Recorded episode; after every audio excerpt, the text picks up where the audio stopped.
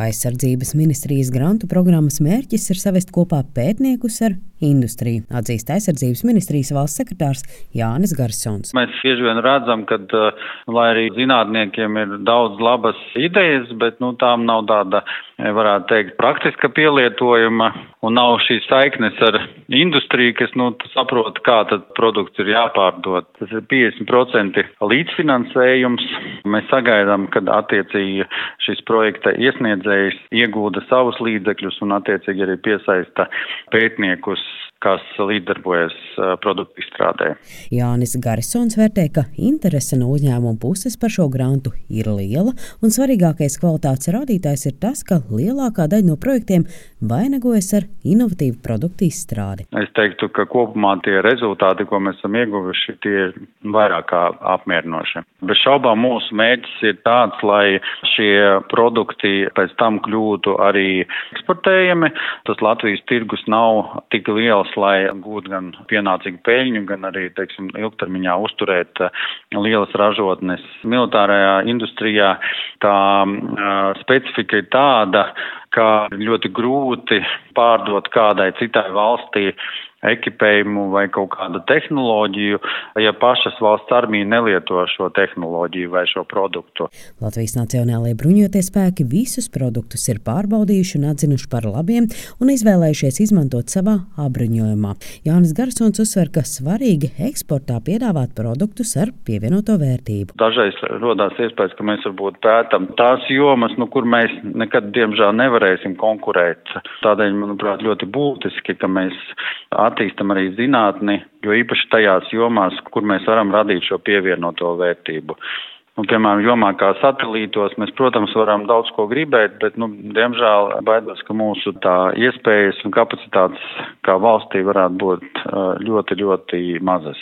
Latvijas Drošības un aizsardzības industrijas federācijas valdes priekšsēdētāja Elīna Hegle uzsver, ka grants aizsardzības jomā strādājošiem uzņēmumiem īpaši svarīgs bijis šajā pandēmijas laikā. Epidēmijas laikā daudziem uzņēmumiem samazinās iespējas investēt inovācijā un attīstībā lai būtu, kā saka, zīles, ir jāstāda ozols, un patiesībā šis kopīgais sadarbības precedents palīdz noturēt investīcijas, bez kurām augsta tehnoloģiskus produktus ļoti grūti radīt. Redzam, Uzņēmumu interese granta programmai aizvien pieaug, un Hegle akcentē, ka līdz kara sākumam Ukrainā investēt drošības aizsardzības produktos varēja atļauties nobrieduši un jau pieredzējuši uzņēmumi. Tāpēc ir ļoti liels prieks, ka jauni uzņēmumi, inženieri, inženieri arī iesaistās šajā aizsardzības ministrijas grantā. Mēs redzam, ka arī atsevišķi projekti turpina uh, audzēt muskuļus, attīstīties, jā, kā mēs, piemēram, runājam par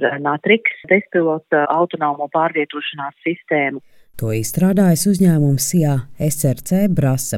Uzņēmuma pārstāvis Kristiāns Bredermanis Latvijas radio stāsta, ka Natrix ir produkts, kuru aizvien var uzlabot, un katru gadu grantu programma ir iespēja to pilnveidot, likt klāt jaunas funkcijas, papildus opcijas, kas produktu padara labāku lietotājam un gatavu eksporta tirgumu. Gadiem jau ražojam kaujas ekipējumu, kaujas apģērbus Un faktiski vienā brīdī nonācām pie secinājuma, ka mūsdienās nepieciešams kāds papildus rīks, eh, nākot klāt dažādiem materiālu tehniskiem līdzekļiem, eh, kā šīs visas lietas pārvietot. Un tad, eh, attiecīgi, Natriks veselota sistēmas ir tas rīks, kas atļauj nest vismaz 200 kg karavīram, izmantojot dažādās situācijās, loģistikai, pārapgādēji, kaujas atbalstam, kaujas nodrošinājumam.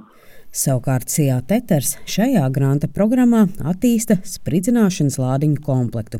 Uzņēmuma valdes loceklis Nēls Sniedziņš teica, ka uzņēmums piedalījies visos līdz šim izsludinātajos aizsardzības ministrijas grantos. Mēs esam piedāvājuši produktus inženiertehniskus, lai traucētu iespējamo pretinieku mobilitāti, lai lēnāk pārvietotos pa Latvijas ceļiem, ja tāda iespēja kādreiz būs reāla. Mēs pašlaik uh, esam procesā, ka mums būs sava ražotne, un nu, tur tie nosacījumi ir ļoti stingri, jo tās viss ir saistīts ar sprākstvielām, un jā, šie produkti ir paredzēti arī eksportam. Nēls Sniedziņš teica, ka pasaulē aizsardzības produktu ražošanā konkurence ir milzīga, un, lai ko sasniegtu, viņa prāt būtu nepieciešams sadarboties ne tikai Latvijas, bet vairāku valstu uzņēmumiem, jo tas prasa vērienīgas investīcijas.